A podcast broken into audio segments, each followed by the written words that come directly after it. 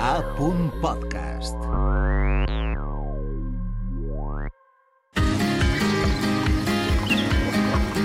Ben i parlem, un podcast per aprendre valencià amb Aina Monferrer.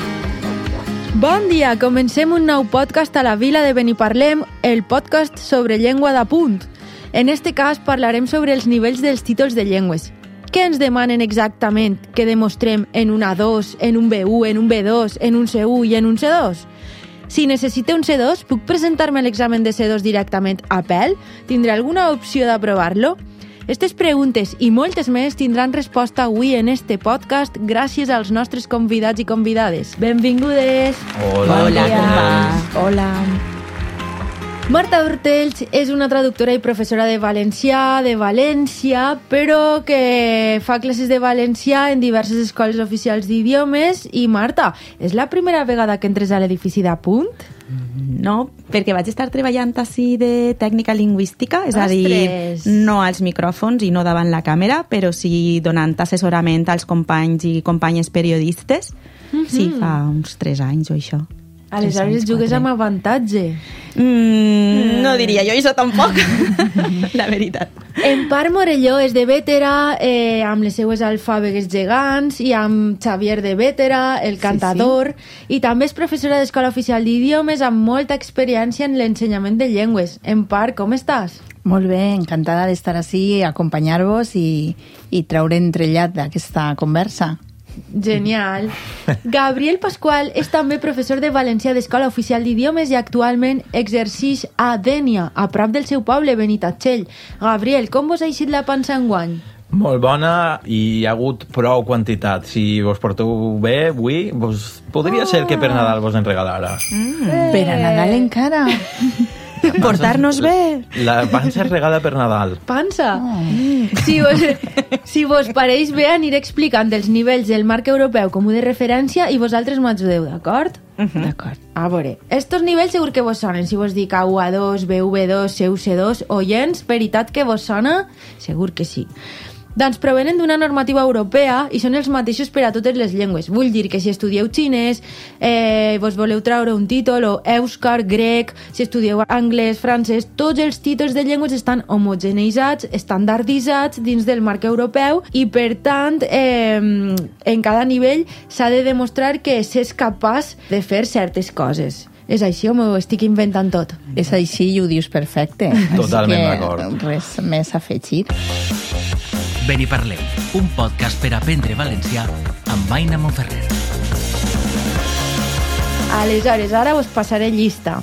Començaré per Gabriel. Gabriel, tu tens títols oficials de llengües? Sí, jo tinc el C2 de la Junta Qualificadora i actualment estic cursant el B1 d'anglès de l'Escola Oficial d'Idiomes. Ostres, no ho sabia. Sí, ho tenia, el tenia un poc rovellat i crec que ja tinc una edat en què ja m'he de plantejar les coses seriosament. Molt bé, molt bé. Sense anglès, no sabem el teu No, futur. no sabem a la Marina, quin futur. pot ser? Clar, a la Marina sempre s'ha de saber anglès. Clar, ja professor d'Escola Oficial d'Idiomes i no tindré aquest títol d'anglès, ja Malament. feia temps que em picava. Sí. Marta, que és traductora, algun títol de llengües tindrà? Sí, tinc el, el seu d'alemany, tot i que el tinc un poc rovellat, per favor, que ningú No, no, no. em demane ara parlar alemany. Tranquil·la. Però tinc el seu d'alemany, el B2 de francès, el B2 de portuguès i, i anglès que tinc, un C2. Un C2 segur. Un C2. Sí, i el C2 de, de València de la Junta també també el tinc, de l'any 90. Quina meravella, Quin no? nivellàs. Mm, I en però part- vos dic una cosa, practiqueu-los o s'obliden. Sí, Això s'hauria de... Es rovellen. Es rovellen. Rovellen. En tinc, el tinc enveja de veres. Mm. Eres jove, encara pots. Exacte. Re rehabilitar-te. Quan arribes a la meva edat. Sí. I en part?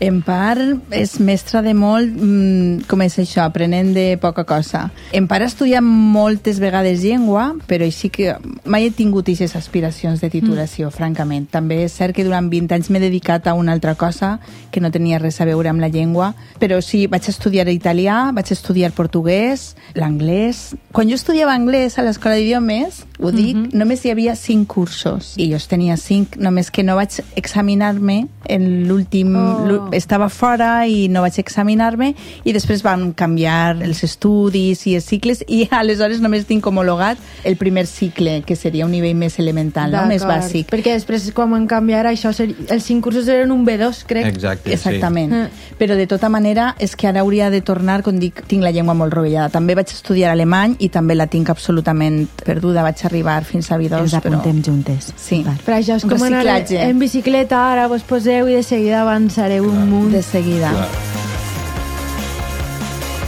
Ara passem als nivells. A veure, que has de demostrar per a tindre una U en part, que jo sé que has treballat amb persones que sabien molt poquet de valencià i de castellà. La veritat que era una experiència molt bonica i molt diversa en una escola d'adults i francament va ser una experiència molt xula. La gent arriba com sabedora i esponja de tot.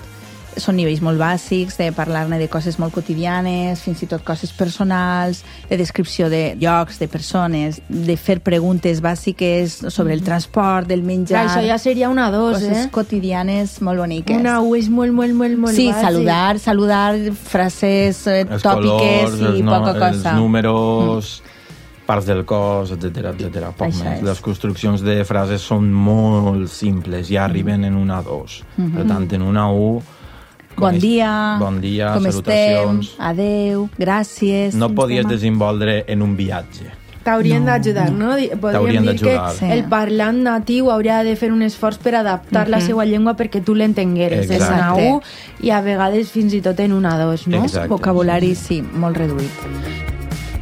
Marta, quina diferència podem trobar entre la 2, el B1... En un B1, generalment ja comprens pràcticament totes les situacions relacionades amb l'àmbit familiar i del carrer, no? que estava comentant abans en part, i també comences a, a poder desenvolupar millor i interactuar sense tanta ajuda, Mhm. tot i que, òbviament, encara hi ha, hi ha moltes errades. De fet, en el B2 encara s'admet que hi hagi errades de caràcter Sí, sí, lingüístic i tant. i, i, i que i sobretot el que es desenvolupa pensant en aquests nivells són estratègies per a entendre's millor en les interaccions i també en l'àmbit professional. Bé, estic passant-me ja al B2, que no sé si eh, m'has preguntat. No, però dis- dis-ho també, en un B2 sí que comencem a, en- a haver d'entendre tota la llengua estàndard, no? Comprendre textos dels mitjans de comunicació, per a, per a fer transaccions econòmiques de comprar bitllets, de I- viatjar... És a dir, hauries de poder viure amb tranquil·litat en un ambient on es parla aquesta llengua i fer qualsevol tipus de- d'intercanvi comercial o treballar en el teu àmbit professional. Tot i que Eh, cometeres errors, però exacte. podries expressar-t'hi, no? Exacte. Així I és. aleshores, així, Gabriel, que em sembla que has sigut normalment professor de CUC2, Sí, sí, des de l'inici. quin canvi es veu significatiu entre un B2 i un C1? Què has de demostrar en un C1 que no has de demostrar en un B2? És un llenguatge expert, és un llenguatge que ja t'has de desenvolupar sense, sense vacil·lacions. Has de controlar el llenguatge de molts àmbits, de l'àmbit eh, científico-tècnic, de l'àmbit socioeconòmic, artístico-expressiu, humanístic, etc etc. Ja has de controlar aquesta classe de, de vocabulari i, a més, has de compondre uns textos d'una manera molt ordenada, utilitzant eh, recursos de cohesió, els connectors famosos de tota la vida, etc etc. I a banda de complir amb els requisits dels formats que es demanen els dies de l'examen o propis de- de- d'aquest nivell. En que són cas. textos formals. Exacte. Voleu afegir alguna cosa en part, per exemple, en un, seu, en un C2, el tema de la precisió lèxica, de la subtilesa, de la ironia... Aquestes qüestions crec que són la marca més enllà de la coherència, òbviament, i la cohesió, crec que són la marca identitària dels nivells avançats, no? Ixa precisió lèxica, el joc de significats, eh, els sinònims, enriquir, fer un vocabulari més precís, acotar molt el, allò que diem, no? evitar aquestes expressions tan genèriques i anar més al detall. Exacte. Marta? Sí, em sembla interessant també apuntar que normalment els els parlants o les, les persones que són capaces de produir en un nivell B2, per exemple, són capaces de comprendre en un nivell C1 i C2. És a dir, sempre tenim la comprensió escrita i la comprensió oral va per damunt del nivell en el que solen poder produir. Exacte. I, I de vegades les persones pensen que tenen un nivell més alt de l'idioma perquè el comprenen eh, en tots aquests matisos i totes a- aquestes complexitats, però una cosa és comprendre'l i una altra cosa és produir-lo al mateix nivell. I això que pense que també és important per a no frustrar-se a l'hora Sí. d'aprendre, és a dir... Produir-lo amb pocs errors. Sí, pel Gabriel. que, pel que has dit de, de les frustracions, eh, molts alumnes durant tots aquests anys eh, m'han preguntat que és molt difícil, que no entenen el tema, que, mm. etc. Tot, tot este llarg, etc. eh, mira, jo per al, per a, tant per a l'oral com, el, com l'escrit, jo es faig un plantejament. Se suposa que tu eres expert en este tema, per tant, Sí. tu eres el teu cunyat el dia del sopar de Nadal. D'acord? Si no entens del tema, ho, ho fas. Jo recordo en una redacció que em van dir que el Mongó estava a l'interior de València. Si ja es barallen els de Xàbia pel Mongó, com per a que ara diguen que estigui a Està a l'interior de. València. Però també hem de dir que no s'estan demanant coneixements enciclopèdics, Exacte, s'està demanant exacte. versemblança, Exacte. no Exacte. veracitat, no que sigueu científics, geògrafs, geòlegs i de tot, Clar. sinó que parega que ho sou. Exacte. I, I a més, una cosa que també és molt important i que crec que sí que és la filosofia de tot el marc Europeu. eh, europeu que és la competència comunicativa. Mm, Has d'adaptar aquesta llengua Exacte. al context registre. que tens, al propòsit de la tasca, a l'objectiu comunicatiu real real o versemblant, com apuntaves, adaptant aquests registres dels que hem parlat i adaptant aquestes circumstàncies tant pel llenguatge com per les estructures i el nivell de complexitat. Ben i parlem. Un podcast per aprendre valencià amb Aina Monferrer. I Marta, per exemple, què contestaríeu si vos pregunte hi ha proves de valencià de les tres, Junta Qualificadora, Escola d'Idiomes o si hi ha covales de les universitats que siguen unes més fàcils o unes altres més difícils? No ho pregunte per a mi, és per a, per a una amiga que tinc. Jo diria que si estudies són fàcils totes. si estudies. A veure, Gabriel, tu eres l'expert en Junta i no sé si tu tens experiència de veure que es presenten a Junta i es presenten a escola oficial i qui aprova més, qui aprova menys. No, no hi ha un número que et pugues apuntalar per poder dir És estes fàcil aproven prova, més, estos són més fàcils. No és així. Cada entitat homologadora té les seues característiques i són iguals de difícils Sí. perquè contemplen el que diu el marc europeu. Exacte, són els mateixos aspectes. Ai, igual de sí. difícils o igual de fàcils Igual i de accessibles, fàcils. depèn Exacte. de la preparació i Mm. també del tipus de perfil que tenim cadascú de nosaltres, no? Hi ha gent que és, està més còmoda en un tipus de prova que en un Sí. altre. O, per, o per realitat- casualitat, per Clar. atzar, el tema que els. Efectivament. Exacte. exacte. Molt bé, doncs gràcies per totes les vostres opinions, les quals compartisc. I ara passem al joc, d'acord? D'acord. Vos posaré talls mítics de l'audiovisual valencià i m'heu de dir en quin nivell de valencià ancoraríeu les persones que hi apareixen. Anem fent una roda, començarem Marta, Gabriel en part, i, i, però podeu participar els tres en tots els casos. D'acord. Eh, cal dir que la mostra és xicoteta i que intentarem aplicar els criteris del marc europeu com de referència, però això no és 100% fiable i a banda que tots aquests textos són perfectíssimament correctes, rics i valuosos per a l'àmbit d'ús en el qual s'han elaborat, que normalment és col·loquial. Nosaltres així estem opinant perquè necessitem material combustible per a opinar, però que visca el valencià col·loquial en el seu context adequat. D'acord. Vinga, doncs... vos- Juguem. Juguem-hi. Ben i parlem. Un podcast per aprendre valencià amb Aina Monferrer. La primera, vinga, per a Gabriel. Una vintena de vivendes van haver de ser desallotjades de manera preventiva pel fum. A tots menys a una veïna. La gent sí que se va esglaiar, sí. Jo no, te dic que no perquè no sé res, fill meu. Estava dormint en la glòria, me vaig prendre la pastilleta. Eh, a veure, ha dit esglaiar, que no sols escoltar-ho els, els dies de, de que examinem l'oral, però per la prosòdia, etc etc podria posar-la en un B2, i si m'agarres un dia molt amable, possiblement la posaria en un C1. Eh, este fragment, Sí. esteu d'acord? Sí, és veritat, no? sí. Que el fragment en concret és molt bo. És sí. molt bo. I. Esglaiar-se Esglaiar-se. o dormir en la glòria, això també, Sí. aquesta expressió que amb aquesta connotació cultural o de significat també, no? Clar, sí. sí. ese coneixement sociocultural, sociolingüístic que es demana en els nivells C està Sí. molt. Vinga, ara el següent fragment per a Empar. Me ha fet experts de gallina. Imbècil! Experts de gallina que me fan... Me se fan experts de gallina. Ai, ai, ai, ai, ai, ai, ai, ai, ai, ai, ai, mare, mare, fes arrere. Què t'ha parit? Serà idiota! Ai, ai, ai, ai, ai, ai, ai, No ai. està bé, eh? Si no està bé! Ai, em fa mal la panxa i tot. Imbècil, que t'he tirat el dels pedres! Em fa mal la panxa!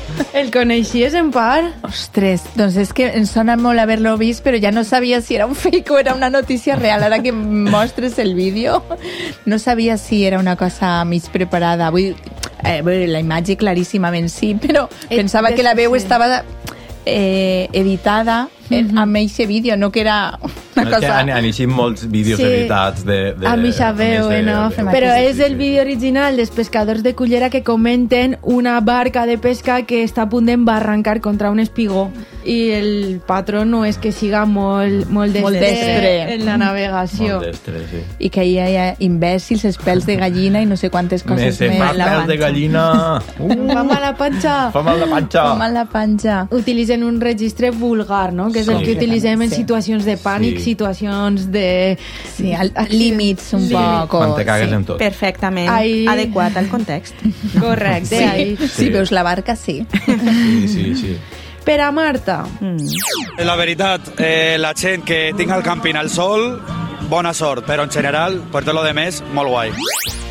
En general. En general. En general, un B1, no? Li posaríem a aquesta persona. és, és Per- un fragment molt curtet, és molt però... curtet, no tenim ahí pel control fonològic i per lo de més, què ha dit? Per lo de més, no? Per lo de més, Per lo de Molt més, molt bé. Molt guai. Un lo i un de més. Lo de en una, en una frase de, de, De 20 set paraules. Exacte. La gent, a La pizza... Sí, a pizza, Sí, tanca, Però hauríem- el sol, el sol, En general. el sol. Necessitaríem més text per Sí, poder per avaluar, poder avaluar. però en principi és Sí. un parlant que té habilitats per expressar-se en una Vale. situació Sí, normal, que vol dir. però comet errors i per tant està en el B, no està en el C. El C seria si fora més acurat en la seva parla, no? Vinga, eh, esta per a tots. Com a mínim, una patrulla hauria d'estar així, que és on està el mogolló de les coses. L'altra, si vols, ves patrullant per ahí. Però igual, com pots, en perdó, tornar a repetir-ho, cagar i pixar en una porta, colló, si vas pegant una volteta de tant en tant, pues a lo millor igual se tallen un poquet. Jo li posaria un seu a esta dona. Jo també. Està exposant un problema, proposant una solució. Eh, Està argumentant que... Està argumentant, és un text Demana argumentatiu. perdó, demana disculpes. Això abans no ho de- hem dit, l'argumentació no ho hem dit, però és la seqüència textual que s'explica més tard, Més la tard, més sí, sí. avançada. I també jo crec que acompanya aquesta entonació al nivell d'expressió, no? Vull el seu significat té a veure amb el significant. I Correcte. aquesta emotivitat o aquesta emoció que impregna el, allò que diu. Clar. Exacte. Està bé. Fa càrrega de... I la pronúncia?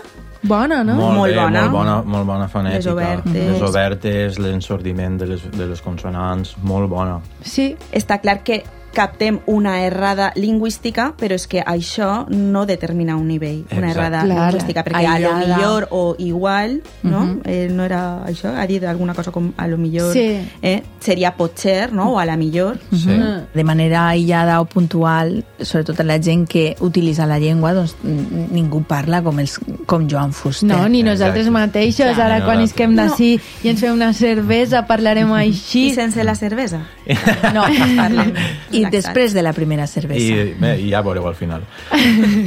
Doncs això, que el parlar de carrer és fonamental, és la base, és l'essència no? de, dels usos lingüístics i el futur de la llengua. Per tant, tot i que preparem el valencià formal per als exàmens i per a les situacions formals acadèmiques, científiques, jurídico-administratives, en el nostre dia a dia, aquest valencià que utilitza tota la gent que hem escoltat així és genial, magnífic i Exacte. riquíssim. No s'ha de perdre, en No cap s'ha de perdre ni, ni s'ha d'intentar parlar d'una manera Clar, artificial ni menystenir, en el ni- nostre dia a dia, sinó en el parlar que tenim en el És molt nostre... important que els valencianoparlants tinguin aquesta autoestima clara, no? Que de vegades Mhm. venen a classe valencianoparlants Sí. i diuen jo segur que suspenc perquè sóc Sí, valencianoparlant. jo dic molts No. castellanismes, no sé. no, s'ha d'acabar. no, No és això així. ajuda. I també una cosa que hem de tindre en compte respecte a la seva autoestima i que és una cosa que he llegit molt últimament en xarxes és que la nota no et determina. Mm, ni de Per tant, de coneixement, sempre no? que li tingues estima al valencià aniràs cap I el avant. parles. Clar. I l'has d'utilitzar.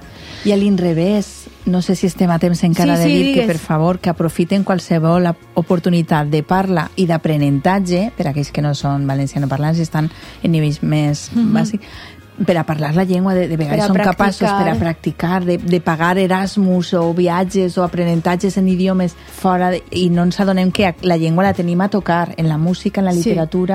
I a peu de carrer. Doncs sí. I ara sí, ha arribat el moment d'acomiadar-me dels meus estimats convidats, Gabriel, Marta, Empar, vos estime molt, moltes Nosaltres gràcies a per Nosaltres haver t'estimem vingut. moltíssim. Ai, que me fareu plorar, em fareu plorar. I si voleu gaudir de professors de valencià tan bons i bonics com estos tres per 4 duros, matriculeu-vos a l'Escola Oficial d'Idiomes. Així és, encara esteu a temps. Tanquem parlant de Daniel Casany, de la Universitat Pompeu Fabra, que en la cuina de l'escriptura enumerava i exemplificava els mecanismes per escriure bé. Fer-se esborrants, escriure bons paràgrafs, l'economia del llenguatge, l'ordre lògic de l'oració, subjecte, verb, complements... Han sigut alguns dels principals consells de Casany que innombrables professors hem posat en pràctica. Tanmateix, en el llibre Metàfores sospitoses que Casany acaba de publicar, afirma que no hi ha proves que fonamenten que les persones metòdiques, ordenades i que segueixen els passos presumptament establerts per a fer un bon text siguen garantia per a elaborar millors textos. Amb experiència, cada un trobarà el seu camí més creatiu o més previsible, però el que importa és practicar, com ha dit abans en part, i trobar un mètode que ens faça sentir segurs per a construir textos que, com diu el mateix Casany, siguen com una plana bonica i transitable sense entrebancs per als lectors. Moltes gràcies, fins al pròxim Ben i Parlem. Gràcies. Adéu. Adéu, gràcies.